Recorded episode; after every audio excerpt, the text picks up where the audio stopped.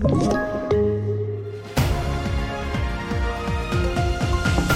En kvinna i 30-årsåldern i Göteborg som under flera år var en del av IS i Syrien förlorar rätten till sina barn. Det rapporterar GP. Enligt barnens biträde visar de på allvarliga traumasymptom och nu har förvaltningsrätten slagit fast att barnen ska tas om hand enligt lagen om vård av unga.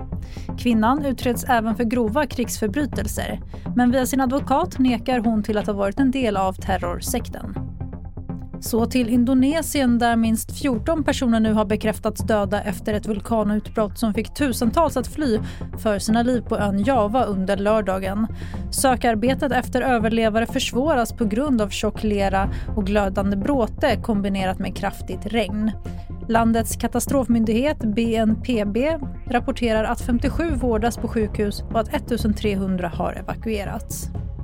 Och över 100 personer från de tidigare regeringsstyrkorna i Afghanistan har avrättats eller förts bort sedan talibanerna tog över makten i augusti.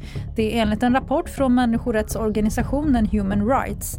Nu fördöms talibanerna i ett gemensamt uttalande från USA, EU och ytterligare ett 20-tal länder, däribland Sverige. De senaste nyheterna i TV4 Nyheternas app. I studion Tannas Edalat.